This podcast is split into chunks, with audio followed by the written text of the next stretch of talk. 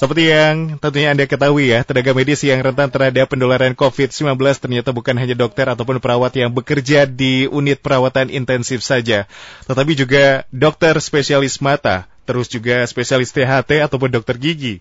Sebab rute penularan untuk COVID-19 sendiri ini melalui transmisi langsung seperti batuk, bersin, terus juga inhalasi droplet ya, serta transmisi kontak, misal kontak dengan mulut, hidung, ataupun mukosa mata. Nah, dokter gigi juga kerap berkontak langsung dengan cairan pasien ya. Terus juga material pasien, instrumen gigi, serta permukaan yang terkontaminasi di ruang perawatan gigi menjadi rentan untuk tertular COVID-19. Dan selengkapnya kami akan membahas mengenai hal tersebut Ya, ini mengenai new normal pada layanan kedokteran gigi yang akan dibahas dan juga diinformasikan langsung oleh Fahmi Oskandar, Dokter Gigi MKes SPOF sebagai Wakil Ketua PDGI Cabang Kota Bandung dan juga Ketua Gugus Tugas Penanganan Dampak Pandemi COVID-19 untuk profesi dokter gigi anggota PDGI Cabang Kota Bandung. Dokter Fahmi, apa kabar, Dok? Baik, Alhamdulillah. Alhamdulillah. Alhamdulillah. Lagi di mana, Dok? Ya, saya sampai sini masih uh, mengajar. Kebetulan profesi saya juga sebagai staf pengajar uh -huh. di FKG Unpad. Jadi uh -huh, uh -huh. sekarang juga sekitar satu jam lagi sedang menunggu jadwal mengajar. Oh, ada kelas dari rumah. Ya? Baik. Jadi memang tetap uh, ada aktivitas uh, masih ada kelas juga ya dok ya? Daring ya dok ya? Jadi masih, tetap virtual ya, begitu ya, ya baik. Dokter Gigi Fahmi terima kasih untuk uh, kesempatan waktunya untuk bergabung terlebih dahulu bersama kami di Fit Radio Bandung. Ya membahas mengenai kondisi saat ini yang memang di beberapa daerah terutama di DKI Jakarta dan sekitarnya sudah menerapkan tatanan kehidupan baru ataupun new normal. Nanti Bandung dan sekitarnya ini akan menyusul juga begitu dok. Dan ini berkaitan ya. dengan bagaimana uh, layanan kedokteran gigi juga yang seperti kita ketahui bahwa pelayanan untuk kesehatan gigi beberapa waktu lalu atau selama pandemi COVID-19 ini ditiadakan ataupun mungkin dikurangi, diminimalisir begitu ya dok, betul ya? Benar. Nah saat ini kita akan bahas mengenai new normal pada layanan kedokteran gigi ini menarik untuk diinformasikan kepada pendengar yang menyimak perbincangan kita. Dokter Gigi Fahmi, kita langsung saja. Sebetulnya yang tadinya ditutup, ini sekarang mulai dibuka atau bagaimana sebetulnya dari teknis new normal pada layanan kedokteran gigi ini? Baik, uh, terima kasih Kang Regi. Ya, jadi uh, sebelumnya saya perlu memperjelas dulu ya kebijakan dari uh, para dokter gigi, mm -hmm, ya, mm -hmm. di mana kita dalam asosiasi PDGI Persatuan Dokter Gigi Indonesia. Yeah dan juga di sini saya sebagai uh, penanggung jawab dari uh, eh, PDGI cabang Kota Bandung. Mm -hmm. Nah, kita sampai saat ini belum uh, memutuskan ya instruksi dari pengurus besar dari PDGI uh, di Jakarta belum memutuskan apakah kita mau menerapkan atau mau mengikuti dengan uh, konsep new normal yang sekarang didengang di uh, di apa sosialisasikan. Mm-hmm, Kenapa demikian? Karena uh, indikator kita sebagai tenaga medis itu adalah jelas, yaitu uh, harusnya new normal itu dilakukan dengan uh, di mana kasus uh, sudah menurun, okay. yaitu bisa dilihat dari grafik. Mm-hmm, Kemudian juga tentu tahapannya dilakukan secara hati-hati, di mana mungkin bisa dilakukan dilonggarkan dari tahapan PSBB dulu, mm-hmm, kemudian mm-hmm. baru masuk ke fase new normal.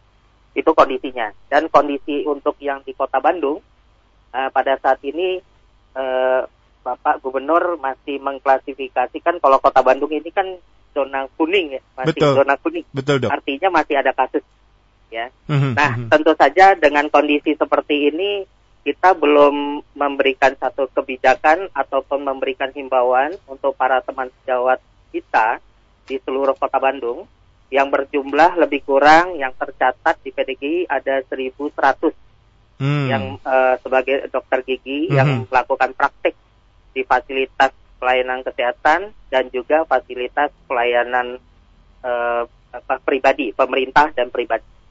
Nah jadi uh, himbauannya belum ditarik Okay. Kita lebih kurang dari bulan Februari ya itu sudah ada himbauan dari pengurus besar agar kita melakukan tindakan-tindakan darurat saja dulu. Mm -hmm. Nah mm -hmm. ternyata selama ini kita kemarin survei, mm -hmm.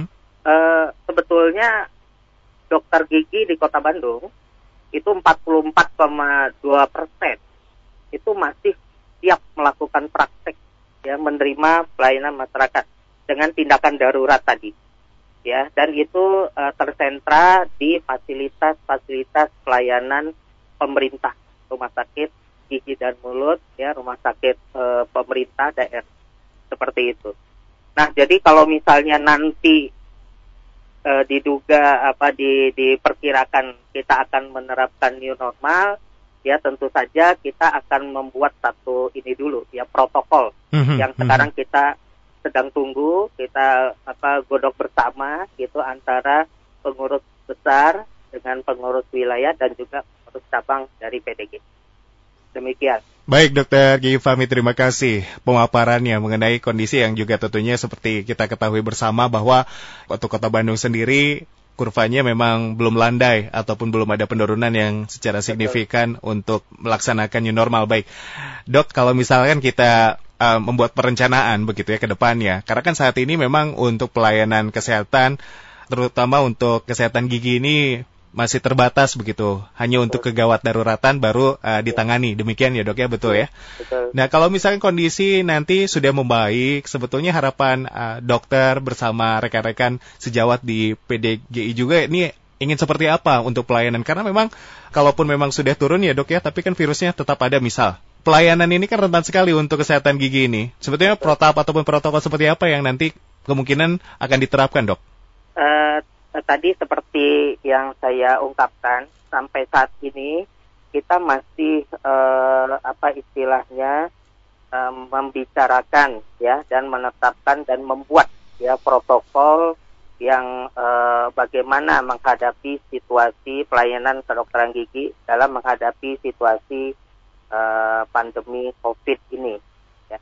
Nah ini uh, mudah-mudahan dalam waktu singkat ya tidak lama ini bisa diselesaikan ya. Karena kita uh, masih apa ya berusaha memahami ya. Karena uh, memang obatnya ini belum ada ya COVID ini. Betul dok. vaksinnya belum ada mm-hmm, ya. mm-hmm. kemudian karakteristik atau sifat dari virus ini masih kita pelajari dengan matang mm-hmm, ya. mm-hmm dari hari ke hari itu makin berkembang situasinya adalah misalnya ya yang tadinya hanya dari droplet ya atau istilahnya e, ludah ya atau ketika batuk bersin menempel tapi sekarang sudah berkembang menjadi e, apa di ruangan ya apa hmm. di udara ya melayang-layang virus itu ya ini yang sekarang kita terus mempelajari secara apa keilmiahan yeah, iya. berdasarkan jurnal-jurnal yeah. internasional,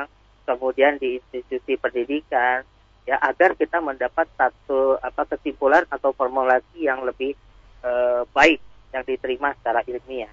Nah, uh, yang pasti ya, yang kita akan persiapkan ya, walaupun protokol ini belum selesai, mm -hmm, ya, mm -hmm. sudah pasti ada beberapa hal yang kita siapkan ya, tentu saja uh, mempersiapkan tempat praktek, ya, perlindungan dari dokternya, kemudian perlindungan perawatnya, dan perlindungan pada pasien. Ya, itu yang kita harus lakukan. Baik dari bajunya, kemudian sterilisasi dari alat-alatnya, yeah. ya, kemudian tempat prakteknya, itu semua sedang kita detilkan ya untuk mempersiapkan. Baik dokter, juga tentunya kalau misalkan memang kondisi seperti ini masih berarti uh, new normal pun ini masih ada beberapa pembahasan nantinya nggak akan serta merta kalaupun Betul. memang sudah dilaksanakan new normal, Betul. ini langsung praktek begitu saja begitu karena harus ada protokol-protokol yang saat ini masih digodok yang begitu ya dok. Oke okay, ya, baik. Betul. Dokter, uh, juga tentunya mungkin bisa disampaikan kondisi saat ini bagaimana sebetulnya kalau untuk uh, pelayanan kesehatan gigi dilakukan. Jadi hanya kegawat daruratan seperti apa yang mungkin bisa langsung ditangani. Takutnya masyarakat masih banyak yang belum memahami, uh, misal ada yang sakit gigi ataupun yang bengkak gusinya tapi tidak bisa dirawat karena masih bisa diatasi dengan obat, misal begitu dok. Ini kondisi ya. seperti apa yang mungkin saat ini bisa ditangani secara langsung? Jadi ada beberapa kondisi yang perlu diketahui oleh masyarakat ya. Pertama tentu ada satu rasa sakit yang luar biasa di daerah gigi. Mhm, Dan biasanya rasa sakit di daerah gigi ini cukup unik. Uniknya kenapa? Tidak hanya reda, dia tidak bisa begitu saja reda dengan obat, ya. Tetapi perlu ada satu tindakan Iya. untuk membuka, misalnya ada eh, infeksi pernanahan di gusinya, di giginya, dan itu bisa harus dibuka dulu giginya, dikasih istilahnya drainase, ya. Dengan adanya drainase itu baru reda sakitnya. Dan itu tidak bisa dilakukan oleh eh, masyarakat sendiri, ya, karena harus dilakukan oleh dokter gigi. Mhm, mhm. Nah, kemudian mau nggak mau masyarakat harus berobat, gitu, harus ke dokter gigi, bertemu langsung. Kemudian juga tindakan-tindakan darurat, misalnya ada patah gigi, ya, dan yang patahnya itu yang mengganggu biasanya patah giginya terbelah dua, ya, tapi tidak tercabut.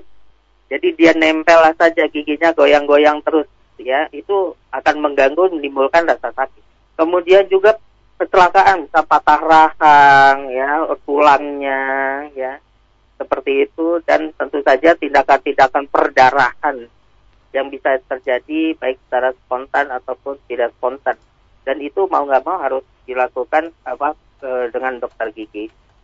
Nah tentu saja dalam situasi kita wabah ini eh, apa namanya yang namanya sakit gigi Ya. ya bukan hanya pada tindakan darurat saja Mhm, mhm. ya. Nah, banyak juga tindakan-tindakan non darurat lain tetapi harus di apa dilakukan perawatan pada dokter gigi dan ini sudah di masyarakat Kota Bandung para teman sejawat kita ya sudah memberikan informasi eh, kepada kita bahwa ini kasihan pada masyarakat ya yang ingin dilakukan perawatan eh, giginya ya.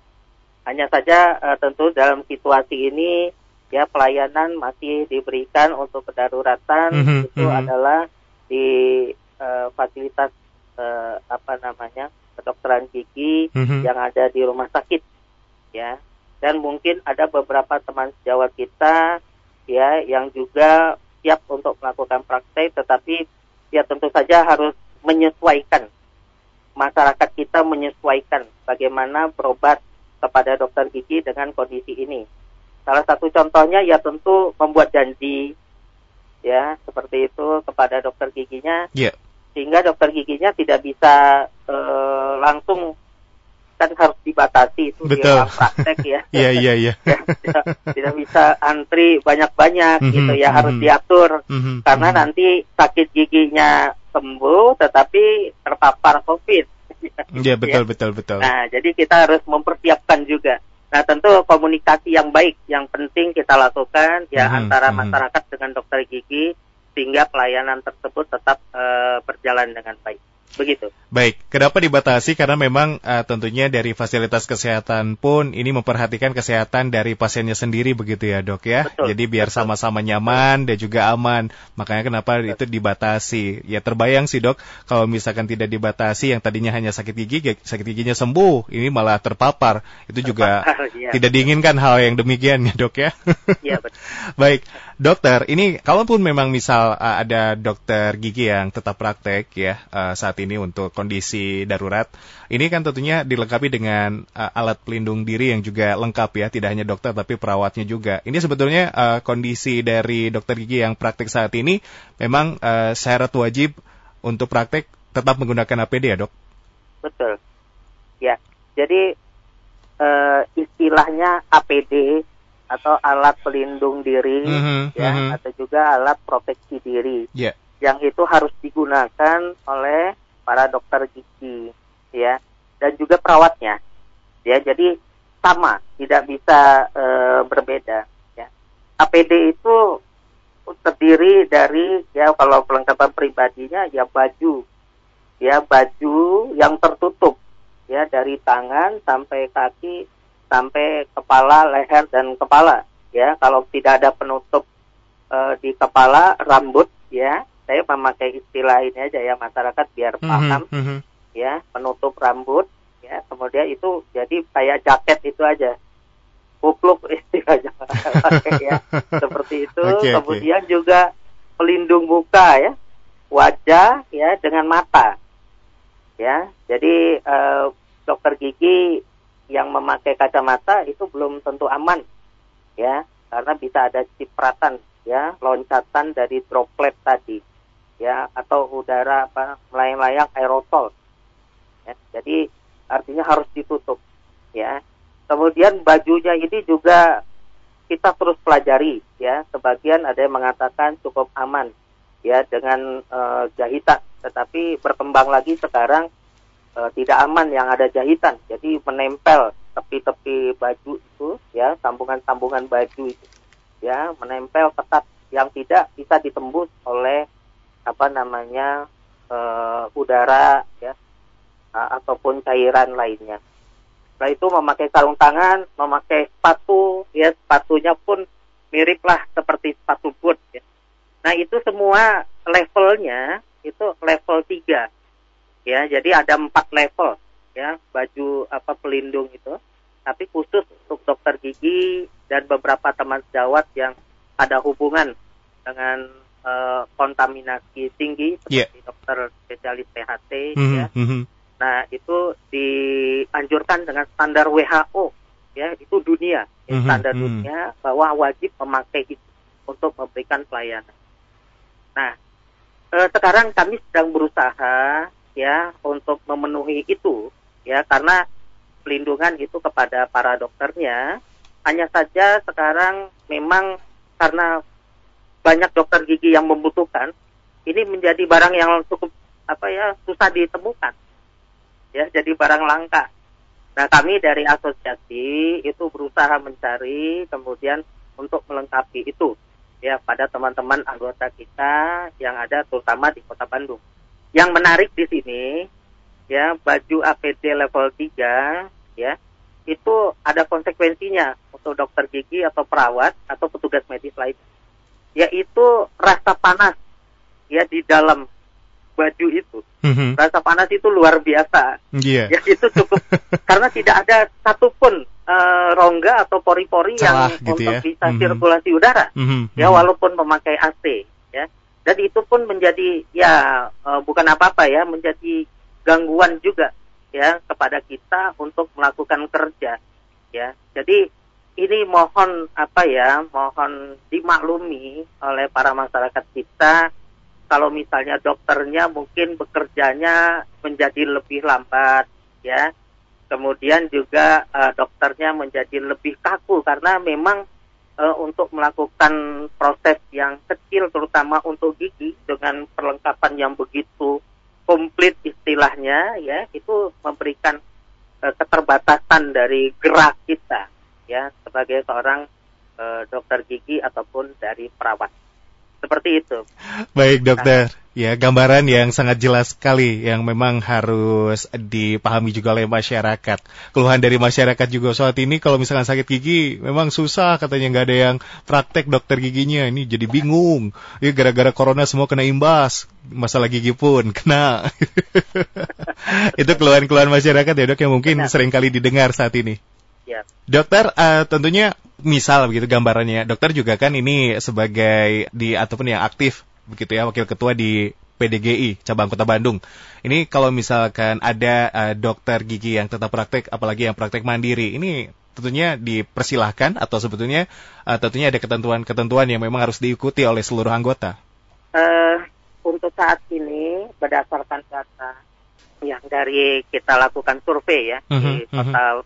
cabang PDGI cabang Kota Bandung itu teman sejawat kita memang untuk praktek pribadi ya itu sedikit sekali ya. Okay, okay. Lebih banyak sekarang uh, praktek di fasilitas pemerintah ya rumah sakit sakit ya seperti itu. Ya.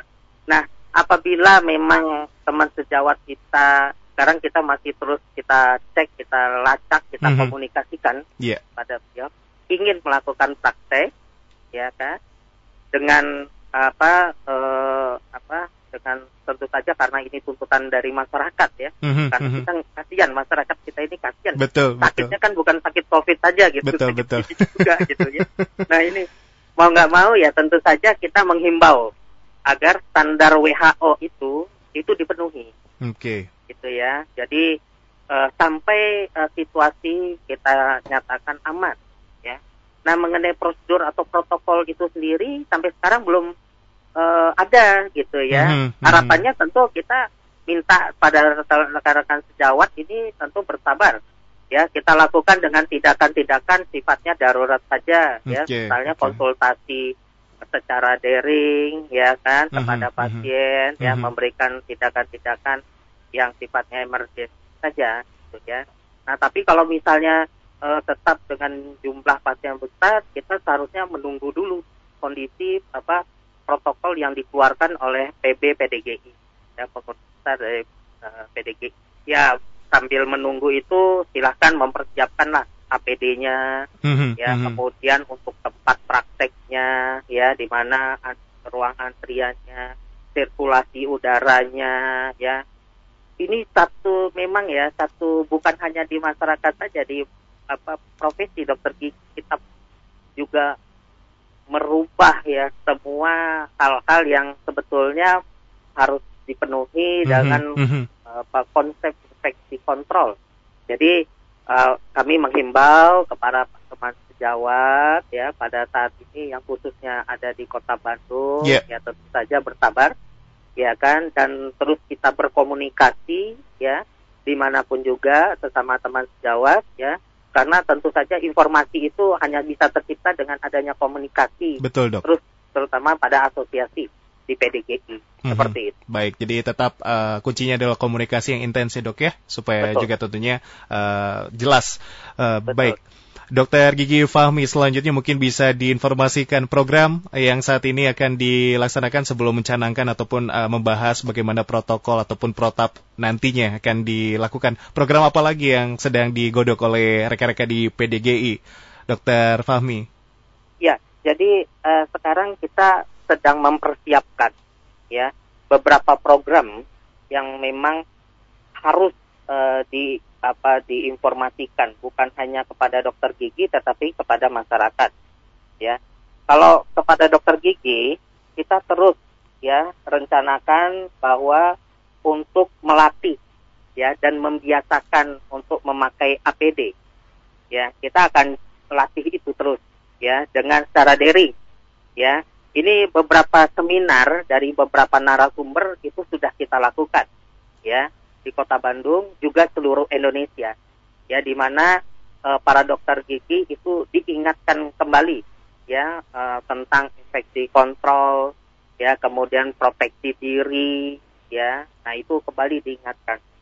Itu harus terus menerus juga gitu ya karena uh, tidak bisa hanya satu kali saja atau dua kali karena ini adalah proses pembiasaan dalam menghadapi kondisi yang tadinya kita anggap ya sebagai kondisi normal yang baru lah begitu. Mm -hmm, Kemudian kepada masyarakat ya uh, kita terus memberikan sosialisasi ya bahwa bukan hanya sakit gigi yang kita perhatikan tetapi masalah penularan dari virus COVID-19 ini ya sebetulnya uh, harus diperhatikan dengan sungguh-sungguh terutama cara penularannya mm-hmm, ya. mm-hmm. kemudian bagaimana kita menghindarinya ya. Dan itu harus menjadi satu proses pembiasaan juga kepada masyarakat. Tentu saja ini harus istilahnya e, bisa memahami dan memakluminya ya. Dari dampak dari COVID ini ke seluruh sendi kehidupan kita. Ya bukan hanya kesehatan tetapi juga ekonomi ya. Kemudian juga uh, apa ibadah dan lain-lain -hmm. ya mhm. nah seperti itu jadi masyarakat kita uh, harapannya tentu bisa sama-sama uh, belajar ya menyerap ilmu ya ya terkait pada COVID ini dan tentu saja dengan hubungan dengan gigi tadi gitu ya. Iya, yeah, iya. Yeah. Ya pasti harus lebih memaklumi gitu mm -hmm, ya kondisi mm -hmm. ini ya. E, misalnya e, jumlah kunjungan dibatasi. Sepertinya para dokter gigi kemungkinan akan membatasi, mengatur jumlah kunjungan. Ya. Nah, kalau misalnya teman jauh apa masyarakat menerima daftar tunggu gitu ya yang cukup jauh ya tapi ter, tapi dia ternyata perlu satu ini kan apa tindakan segera itu komunikasikanlah ke dokternya Ya, jadi dokternya akan membantu mengatur sebaik-baiknya. Jadi harus percaya kepada uh, para dokter gigi yang sekarang sedang berusaha bersungguh-sungguh ingin memberikan pelayanan kepada masyarakat. Tapi para dokter gigi juga ini juga sebetulnya mempertaruhkan nyawanya juga gitu ya dengan para perawat gitu ya. Dia tidak bisa uh, apa mengatakan bahwa situasi ini itu semuanya aman.